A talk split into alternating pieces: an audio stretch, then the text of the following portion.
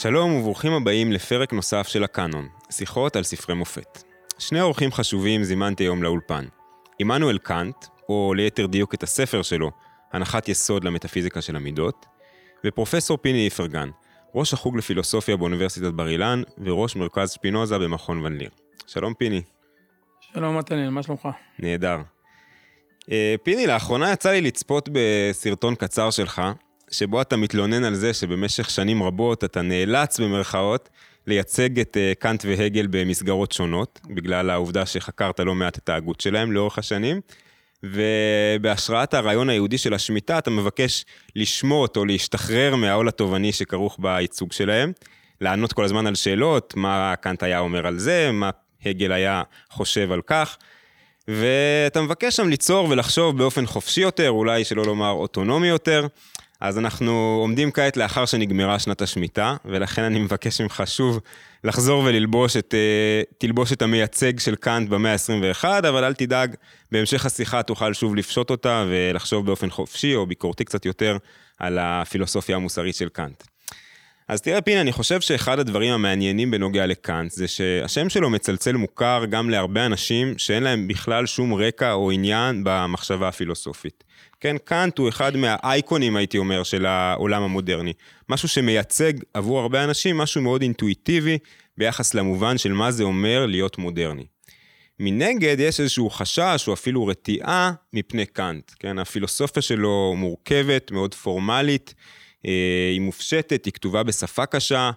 אם הפרקים הראשונים של ההסכת שלי עסקו בדיאלוגים של אפלטון, ששם הטיעונים הפילוסופיים שלובים בתוך אה, קווי מתאר עלילתיים, פה אנחנו נמצאים בעולם אחר לגמרי, באקלים שונה לחלוטין. ולמרות זאת, פיני, בשיחה שלנו לפני, אה, לפני הפרק הזה, חשבנו שדווקא הספר הזה של קאנט והרעיונות שנמצאים בו, יכול לפנות גם לאנשים שאין להם רקע חזק בפילוסופיה. אז אתה יכול אולי לתת מילה או שתיים על העניין הזה, ואולי להפיג את ה, אה, איזושהי רתיעה טבעית שיש לאנשים מה, מהשם הזה, קאנט? אה, בהחלט. א', תודה על ההזמנה, ואני חושב שהתיאור שבו פתחת הוא נכון. אבל צריך לתקן אותו טיפה.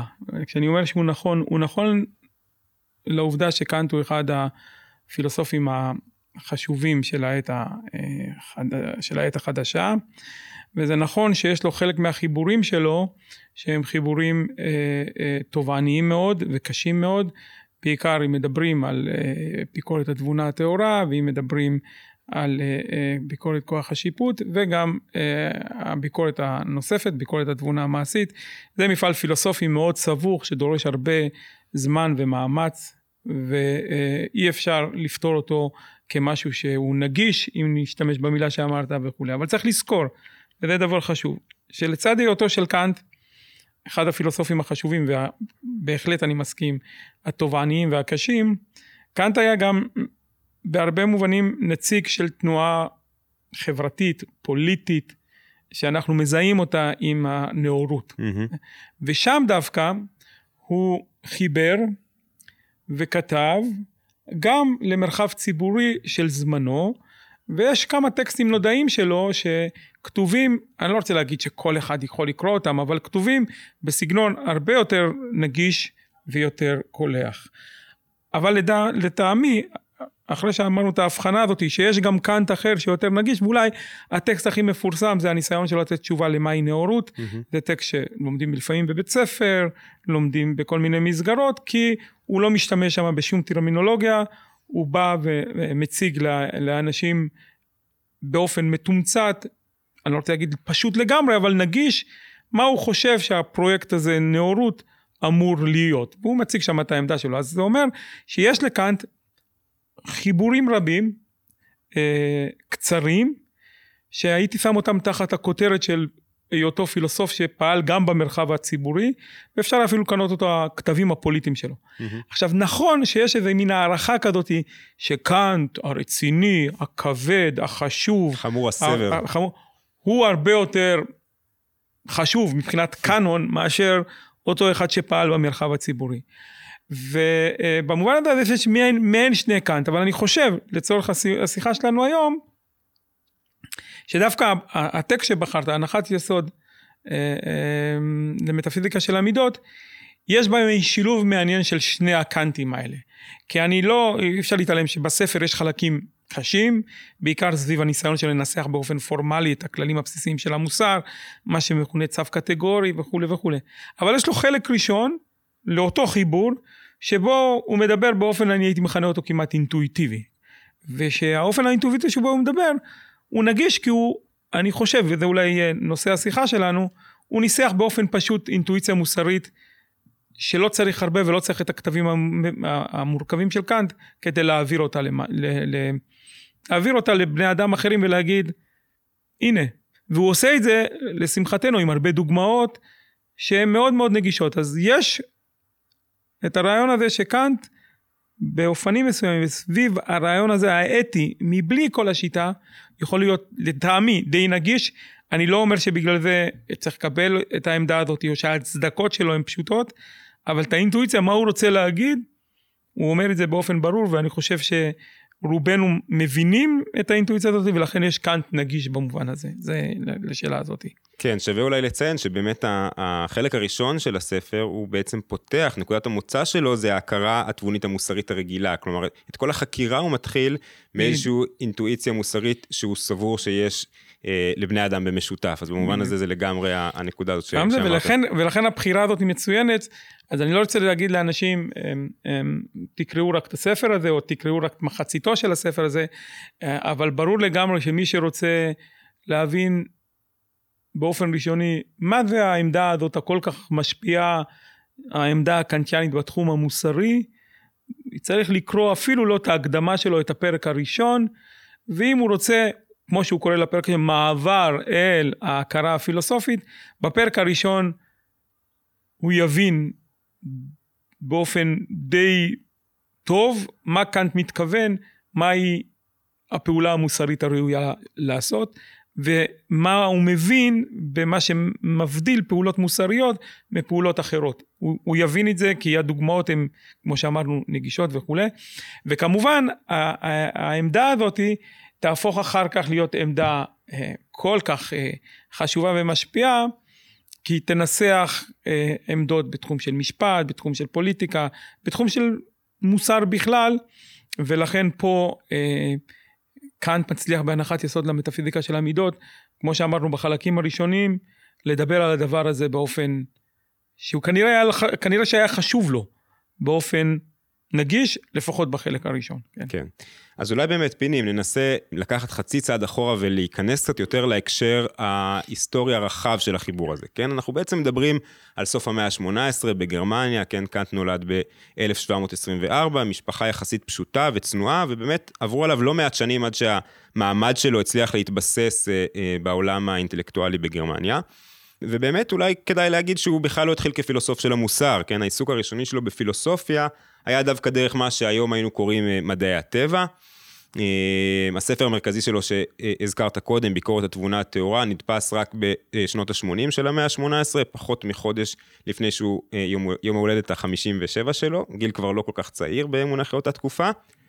ובאמת, אולי, כמו שאמרת קודם, בהרבה מובנים אפשר לומר שקאנט הוא מייצג באיזושהי צורה מוצלחת בכלל הלך רוח ביקורתי של מה שאנחנו קוראים היום תנועת הנאורות, שזה הלך רוח שאם הייתי ככה צריך לנסח אותו בצורה פשטנית, הייתי אומר שזה מאופיין בפקפוק וספקנות רדיקלית, באיזושהי חתירה לחקירה עצמית, אה, לבחינה ביקורתית של הפעילות האנושית בפני איזשהו בית דין של התבונה או משהו כזה.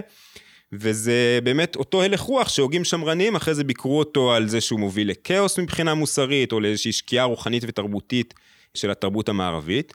אבל קאנט הוא ב, אה, אה, ללא ספק אחד מאלו שמבקשים ליישם את הלך הרוח הזה ביחס לתחומי חיים שונים, כן? אה, ביחס למדע, ביחס לאסתטיקה, למוסר, לפוליטיקה וגם ביחס לדת, ובעצם להציג אותם באופן חדש שיוכל לעמוד במבחן הביקורת של התבונה.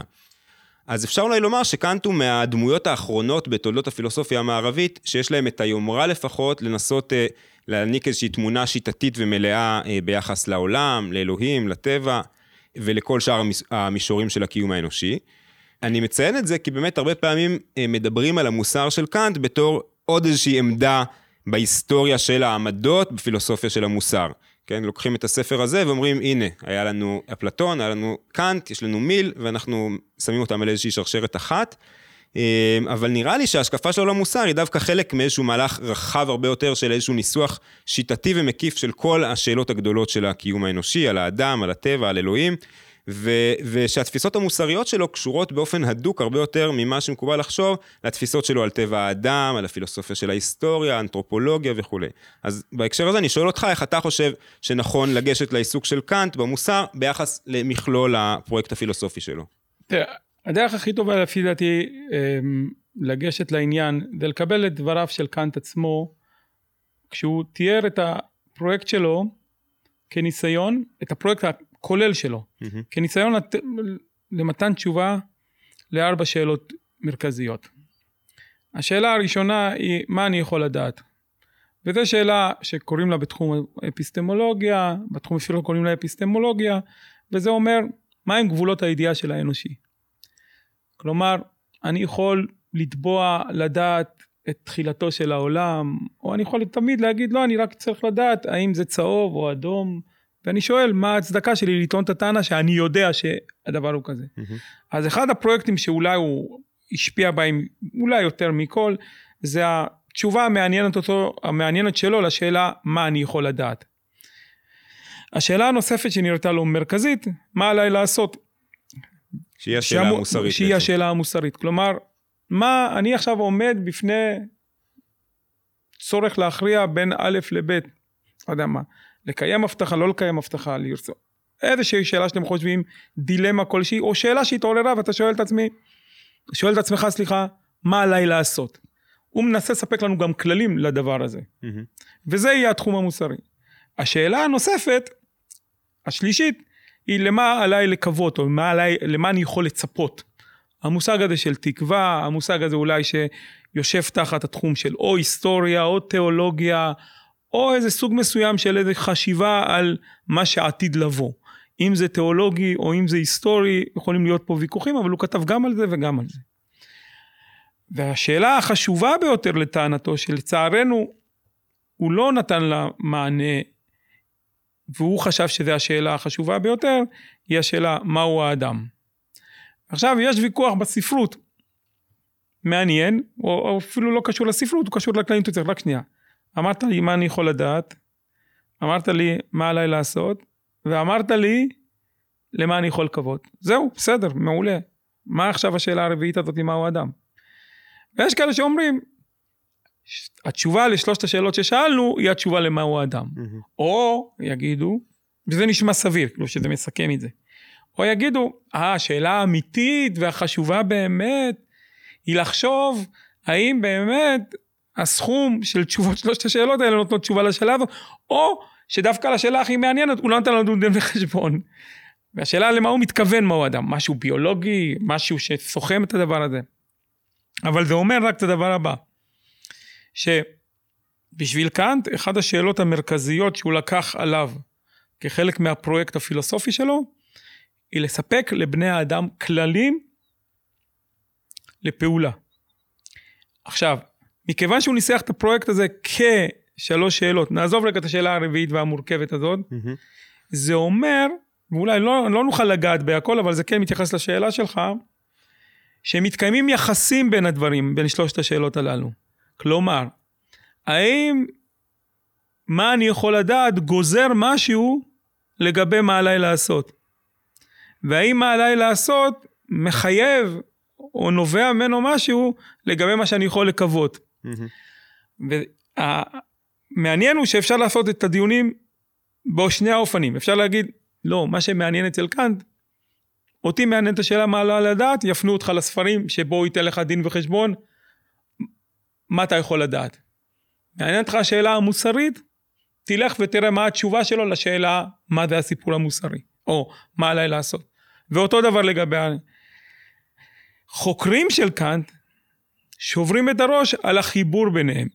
מה האינטגרציה בין התשובות על מה קורה שם, מה זה השיטה השלמה הזאתי, שבאמצעותה אנחנו לוקחים את התשובות הללו והופכים את זה לאיזושהי תשובה מלאה לשאלות הבסיסיות ביותר של האדם, אם תיקח את השאלה הרביעית, אבל מה שיפה אצל קאנט, זה שאתה יכול גם להפריד. אתה יכול להגיד, אני מתחיל איתך עכשיו משאלה פשוטתה. מה עליי תדע, לעשות? מה עליי לעשות? כאילו לא, עזוב עכשיו מה עליי לעשות. והוא עושה את זה ככה, זה אחד הדברים המעניינים. והוא עוש, ואפשר, ויש הרבה אנשים, אני חושב שהחוויה שלהם של קאנט, זה רק לקרוא את הספר הזה, שבו מספרים לנו שהוא מנסה לספק לנו ש- דין וחשבון מעניין על מה, הוא, מה עליי לעשות. אבל, וזה האבל הגדול, ברבדים מסוימים של הבנה, חייבים לפנות לשאלת היחס בין השאלות. כי למשל, אם אחד הדברים שאנחנו נניח בשביל לעשות פעולה מוסרית, או לשאול את השאלה מה עליי לעשות, אז אנחנו מניחים את היכולת שלי לבחור, את היכולת שלי שיש לי חירות, שיש לי חופש. כלומר, כי אחרת מה הטעם בלשאול מה עליי לעשות? הכל נקבע, ואני לא יכול לבחור מה עליי לעשות. אז זה אומר, התנאי המקדים חייב להיות דין וחשבון, האם הפעולות האנושיות הן פעולות שהן סדרה של מהלך סיבתי שנקבע באופן דטרמיניסטי וסופי, או שיש אפשרות לסיפור של חופש. שאלת הבחירה. אבל את זה הוא נותן לו דין וחשבון בשאלה שקשורה לידיעה. זה- שם הוא מביא פתאום את השאלה הזאת. והוא אומר שהאם אנחנו יכולים לדעת אם אנחנו חופשיים או לא? ומתברר, הנה, זו שאלה בסיפור של ידיעה. השאלה נוסחה, מה, עליי, מה אני יכול לדעת? אז אני אומר, אתה יכול לדעת אם אתה חופשי או לא? אני אשאיר אתכם במתח לגבי זה, מה התשובה שלו. באופן מפתיע היא, לא, אתה לא יכול לדעת את השאלה הזאת באופן סופי. זה אולי בפרק אחר שלנו. אולי בפרק, אבל זה אומר שהוא מניח את זה כדי להתחיל את הדיון הזה, כי אין טעם לדבר על הסיפור הזה אם לא נניח שיש חירות. מהמם. כי אז מה, למה אנחנו מדברים מזה? הוא ישכנע אותנו בספר הזה שיכולת לעשות אחרת ממה שעשית, או שראוי היה שתעשה אחרת ממה שעשית, או שראוי שתפעל כך. אז באיזה מובן זה ראוי אם אין לי חופש? ואז אם שאלת החופש לא התבררה קודם, בשאלה שאם אני יודע אם אני חופשי או לא, אז באיזה מובן אני יכול להתקדם שלב? אז אתה יכול לפי קאנט, אבל אני אומר שאם אתה רוצה להבין לעומק, וזו שאלה שהיא תהיה מעניינת, האם הדין וחשבון הזה בספר הזה שלפנינו make sense, יכול להיות שחובה עליך ללכת לדבר הזה, או, וזה תמיד האו הזה. לא, אני הולך עם האינטואיציה שיש לרוב האנשים לא מטאפיזיקאים, שכן, בני אדם יכולים לבחור את המעשים שלהם. ולכן התשובה הזאת היא, היא אה, התשובה לשאלה אם אני חופשי או לא, היא לא רלוונטית לדיון המוסרי. רק אם יבוא לי ספקן מוסרי ויגיד, מה אתה עכשיו מקשקש, מה אתה יכול לעשות? אתה לא יכול לעשות כלום, אתה נקבע על ידי הגורמים הפיזיים, אותו נשלח. לחיבור אחר של קאנט. כן, אז זהו, אז כן. בדיוק, אבל אני חושב שמה שיפה פה זה אתה הולך עם האינטואיציה, שאתה בא ואנשים מתווכח לו, למה אתה לא מקיים הבטחה? אז אני חושב שיסכימו איתי רוב האנשים שיהיה אחוז מאוד קטן שיגיד, כי הכל נקבע מראש. נקבע שאני לא אחזיר לך את הכסף. נו, אתה רציני? לא, אתה תיתן לי איזה אילוצים, תשמע, שכחתי, לא היה לי, אני מצטער, וכולי וכולי. אז כולנו נחשוב שהוא כן היה צריך והוא יכול. אז איתם אנחנו מתווכחים, ועליהם אנחנו נעשה דיון מעניין. למה בכל זאת עליך לקיים את ההבטחה, ומה המניעים שבגללם אתה צריך לקיים את השאלה מה עליי לעשות, להחזיר לו את הכסף או לא להחזיר לו את הכסף. כן, אז אם אבל, אני- בר... אם אני- אבל ברמת עומק אני חייב, זה מה שחשוב לנו בהקשר הזה, כן. ואולי נעזוב את השאלה הזו, כי זו שאלה מאוד סבוכה. כן, אבל ברמת לטובת הפרק. שלנו, אפשר להחזיק את שני הדברים. כלומר, מצד אחד להגיד, כן, קאנט כתב את החיבור הזה באפשרות שיגשו אליו כחיבור עצמאי, ויתעסקו בשאלה הזאת. בדיוק. ולטובת רבדים עמוקים יותר של הבנה, צריך לראות איך זה מתיישב עם לא, אבל- עמדות מטאפיזיות אחרות וכולי. יפה, אבל אני אתן, אני רוצה פה להבהיר נקודה שהיא חשובה.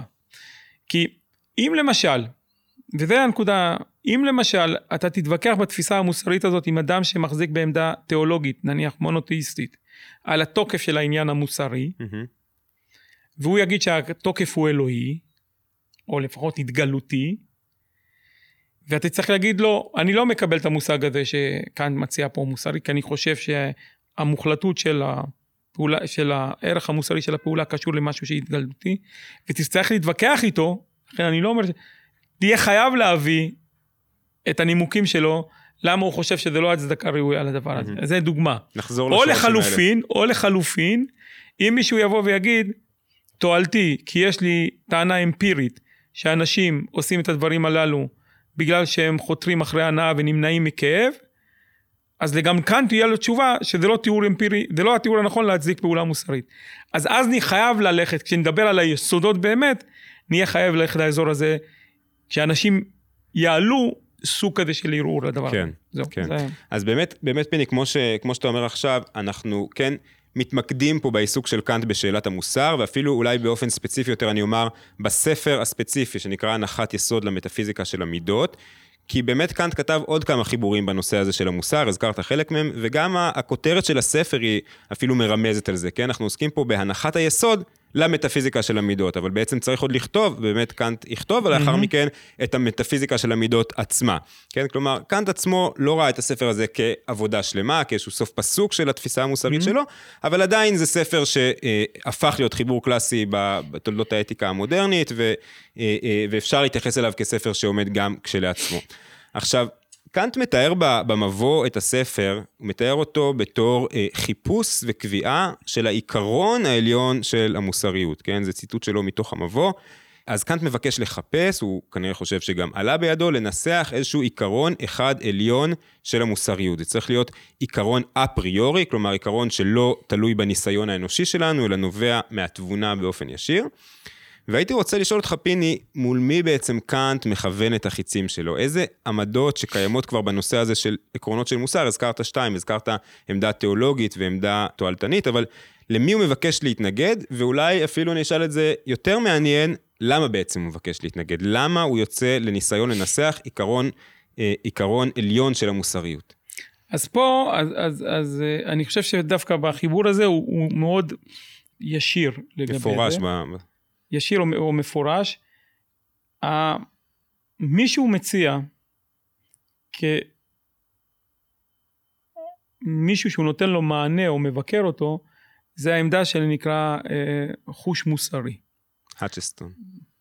כל המסורת האנגלית שאומרת, תראו, אי אפשר באמת לתת כללים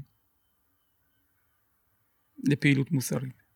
כי פעילות מוסרית זה חוש, כמו חושים אחרים. אתה, אנחנו, יש לנו את החוש לטוב, ואי אפשר לפרק אותו, זה אטום. כלומר, היינו אומרים את זה בשפה יומיומית, אני רואה עוול. במובן הזה, לכן אני משתמש... מזהה אותו כעוול. יפה, אני חש עוול. אתה לא צריך עכשיו להסביר לי, תשמע, יש כלל כזה והוא סובל. אני רואה עוול ואני מגיב באופן בלתי אמצעי לזה שאני רואה עוול. נניח אמפתיה, הדוגמה הכי טובה תהיה פה, אתה רואה סבל, אז מתעורר אצלך איזושהי תחושה, לאדם סביר וכולי וכולי, שהוא לא, אני לא יודע מה, סדיסט או. משהו כזה, כן. אז מתעורר בו איזו תחושה לא נעימה ברמה כמעט הבלתי אמצעית בגוף, שקורה שם משהו שהוא לא ראוי. אנחנו מסתירים את העיניים מזה, אנחנו עושים כל מיני... אז הרעיון המרכזי הוא לבקר את העניין שמוסר הוא עניין אטום מבחינת היכולת לניתוח ואנליזה שלו, ולכן יש לנו פשוט חוש לכך. הנה, ולכן אין כללים. החוש, סליחה שאני מפריע, העמדה Mm. הזאת של החוש היא יכולה אה, לתת מענה לדילמות מוסריות? כלומר, כשיש לי אז- רגשות מנוגדים שאחד אז, אה, אז, מורה לנהוג כך ואחד מורה לנהוג כך, אז אה, שני דברים יהיו, אז א', אה, זה אחד הדברים, הקוש, הקשיים, אבל זה קצת, ואפילו קושי ברמה, נקרא לזה, ברמה האנליטית של הפירוק של המושג הזה, למה הם מתכוונים בחוש ואיך הוא יפתור את זה.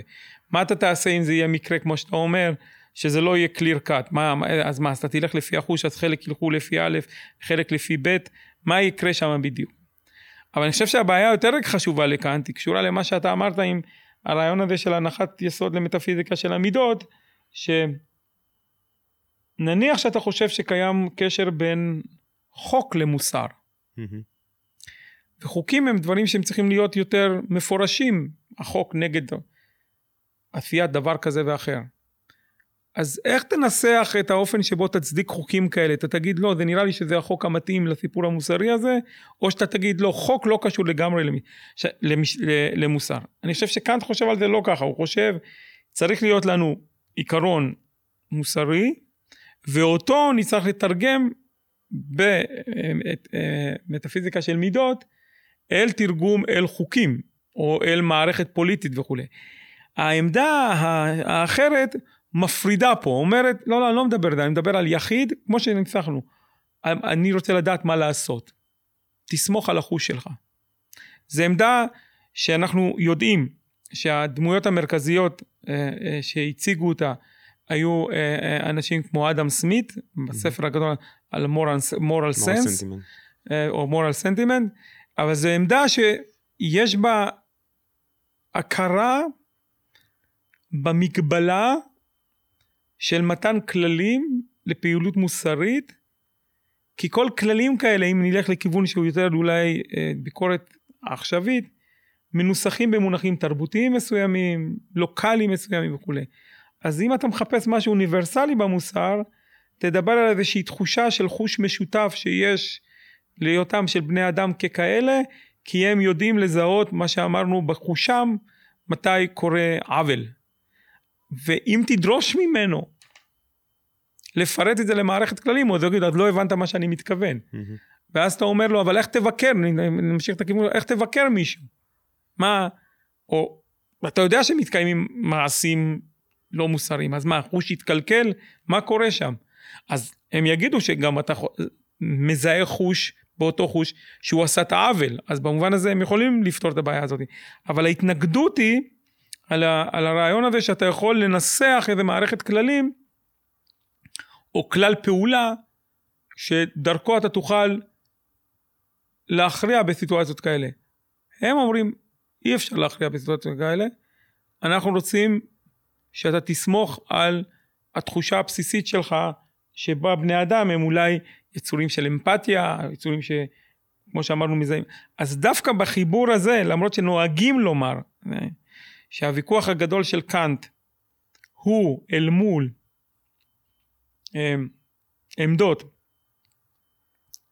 או עמדה תועלתנית, דווקא כאן, לפחות מי שקורא את ההתחלה של הפרק הראשון, זה אל מול אלה שמדברים על זה שאי אפשר לתת אנליזה מושגית או ניתוח מושגי וכללים אוניברסליים שניתנים, כמו שאמרת בצדק, להצגה ולביקורת בתחום של המוסר, אלא אתה משאיר את זה פשוט ליכולת אנושית שמגדירה כמעט האנושי שהוא יודע להבחין בין טוב לרע. הוא לא יכול רק להבחין בין מה שכואב לו ונעים לו, הוא גם מבחין ביניהם. אז אם אתה רוצה לדבר באופן ישיר, אז עכשיו מכיוון שהמורל סנס הייתה עמדה שכל הזמן הציגו, אבל היא אף פעם לא תפסה, נאמר, את מרכז הדיון בוויכוחים בתיאוריות מוסריות. אז לאחר מכן העמדה של קאנט, אנשים הדגישו בה את האופן שבו הוא מציע אלטרנטיבה לעמדה תועלתנית. כן, אבל, אבל, אומר, אבל, אבל בפועל, עצמו... אם אתה מדבר היסטורית, mm-hmm. נראה לי שמה שמפריע לו, עכשיו תראה, זה קשור לזרם שלם, לזרם של Popularphilosophie, כלומר, הוא אומר את זה גם בהתחלה. כן, נזכיר את זה. ה Popularphilosophie זה להגיד, וזה היה מאוד חזק בגרמניה באותה עת, זה עוד פעם, זה... טרנדים. אה, זה היה טרנד מאוד חזק בתקופה ש, של אה, גם מנדלסון ואחרים, ש... פילוסופיה צריכה להימנע מהעניין האובר מושגי הזה, היא צריכה לדבר בלשון נניח משלים, סיפורים, הדגמות וכולי וכולי, ולהציע את הפילוסופיה לא מתי מעט אלא לכולם. ויכול להיות אה, אה, אה, שקאנט רוצה להראות, לא, אני לא הולך לכיוון הזה של פופולר פילוסופיה, ואני אראה לכם שאני אוכל לשכנע בעמדה הזאתי, גם אם היא תהיה, נקרא לה, רציונלית, מושגית, את בני האדם הללו, שאתם חושבים שהדרך היחידה שלכם להסביר את זה, זה להימנע מהדיון המושגי הזה. יש לו איזה... כן. אבל, אבל בכל על מקרה... פניו זה, הב... זה הביקורת. בכל מקרה, המוטיבציה שלו, כמו שאמרת, דווקא אל מול הסיפור של הרגש המוסרי, זה כן לנסח. יש פה איזה ניסיון מפורש לנסח מ... כלל, לנסח עיקרון בדיוק. שאפשר להציב אותו, אפשר לרשום אותו ואפשר לדון על משהו מפורש. יותר מפורש וגם יותר מכך, וזה אולי חשוב לו באותה מידה, אחרי שהוא ינסח את הכלל, שלא אה, נגרום להם, למאזינים להיות יותר מדי במתח. נגיע אליו בהמשך. זה הרעיון של מה שנקרא הצו הקטגורי או הצו המוסרי העליון, יהיה ניסוח כזה. Mm-hmm. אבל יותר חשוב שם זה גם שתהיה הצדקה אליו, חלק גדול מהמאמץ שלו mm-hmm. הוא להצדיק. אבל אני חושב שמה שנראה לי נכון, לעשות במקרה של הספר זה דווקא ללכת עם מה שכינינו בתחילת השיחה שלנו, מה זאת האינטואיציה המוסרית שלא לא קשורה לכל המילים הגבוהות האלה, אימפרטיב וטה טה טה טה טה.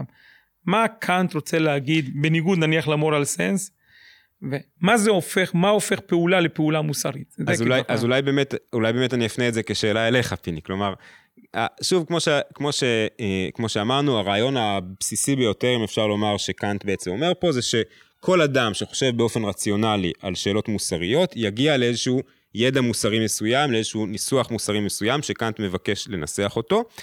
ואולי באמת, לפני שניכנס לכל המושגים הטכניים, שכן כן כדאי להיכנס או לא כדאי, איך, איך בסופו של דבר נראית הפעילות המוסרית לפי קאנט? אתה יכול לתאר לנו אותה, מהי אותה הכרה מוסרית רציונלית, שהוא אומר, היא משותפת לכל בני אדם, ואותה אני מבקש לנסח. איך היא נראית?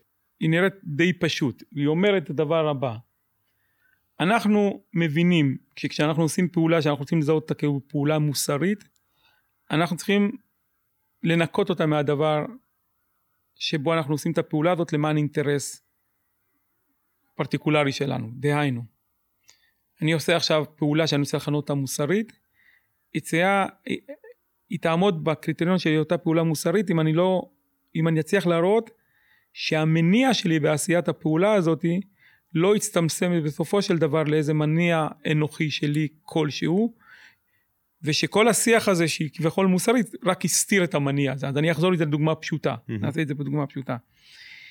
כשאני חושב שאני עוזר למישהו, ואני רוצה לחשוב שהעזרה הזאת נעשתה בגלל שחשבתי שעשיתי פה אה, הכרעה מוסרית נכונה שראוי לעזור לאותו מישהו, כשאני מברר את זה ביני לבין עצמי ומתברר לי שעשיתי את זה לא בגלל שרציתי לעזור לו נקודה, אלא כי חשבתי שאם אני אעזור לו עכשיו, אם אני אקלע למצוקה עתידית, הוא יעזור לי.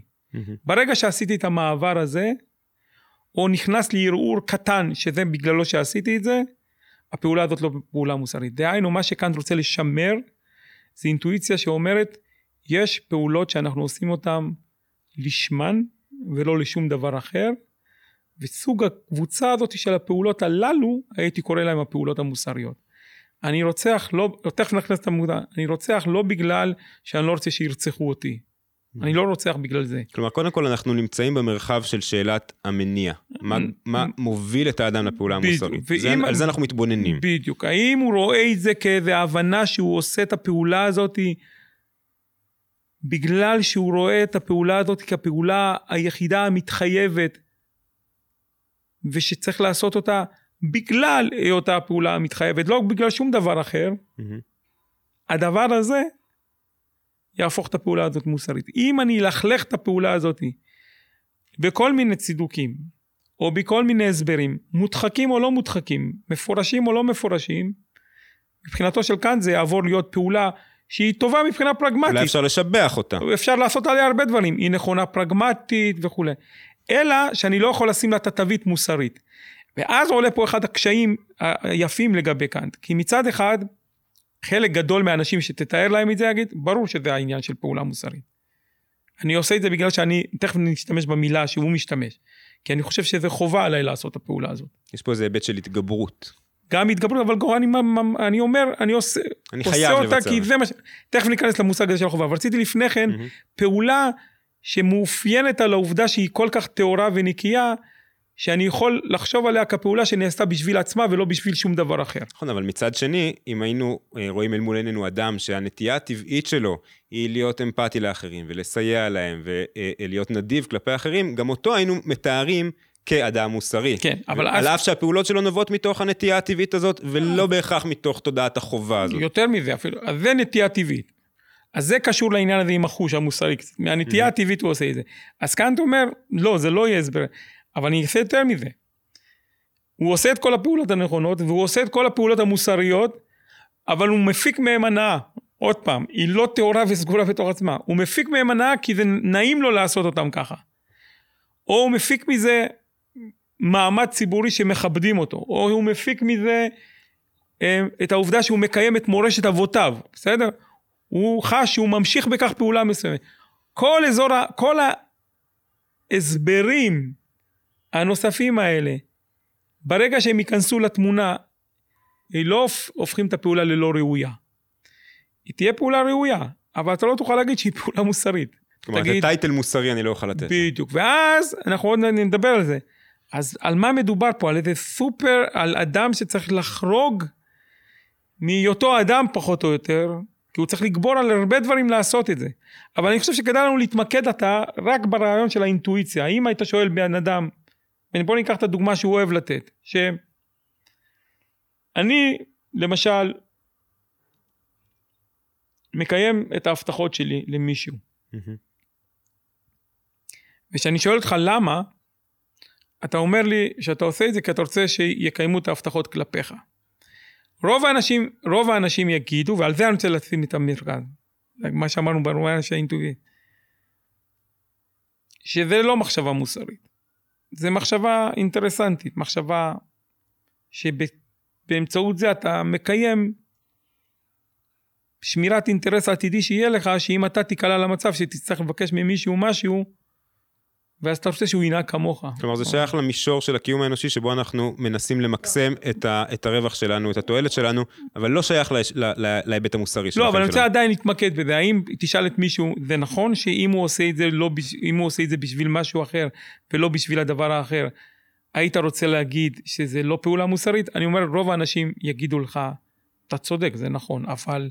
אנחנו יצורים מוגבלים, סופיים, חיים בתוך חברה וכו'. חלק מהמורכבות של הקיום האנושי שיש בו גם וגם. אבל, זה, אבל עכשיו כאן יגיד אומר לך, הנה, אתה קודם כל הבנת מה שאני רוצה, ואתה לא אומר, תשמע, על מה אתה מדבר.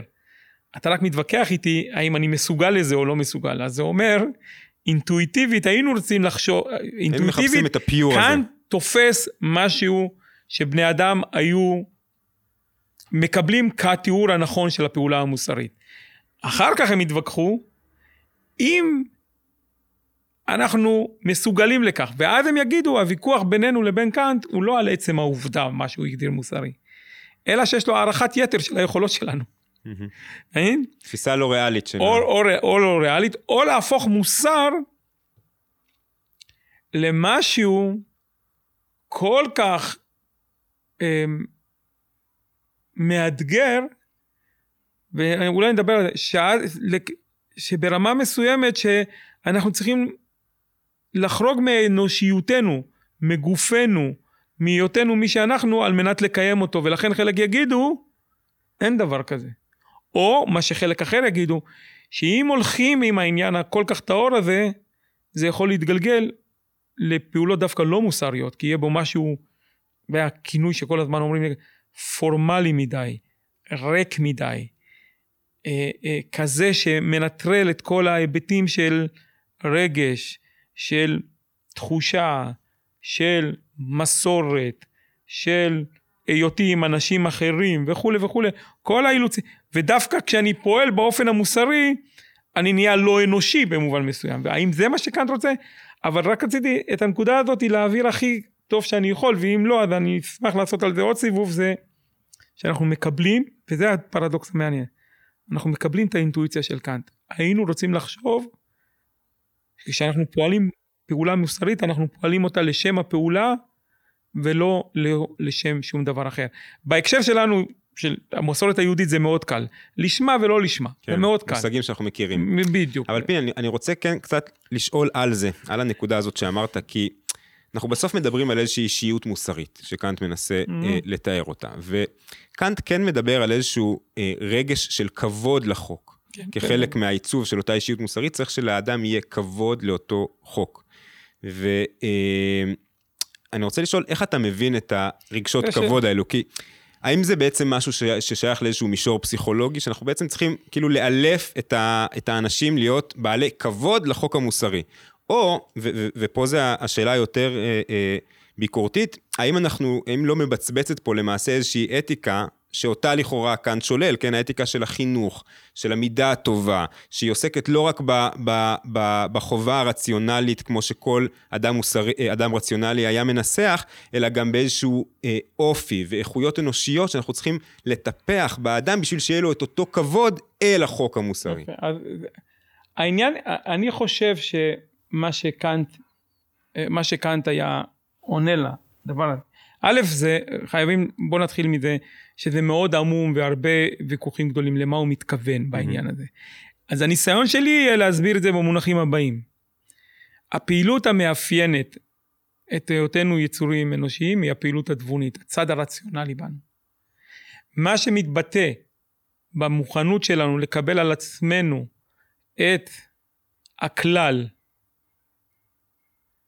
המחייב, כשאנחנו מנקים אותו, את גופנו, את האינטרסים שלנו וכולי, זה הכרה במה שמגדיר את אנושיותנו. כלומר, העמידה או היכולת להבין שיש כלל רציונלי שלפיו אנחנו פועלים.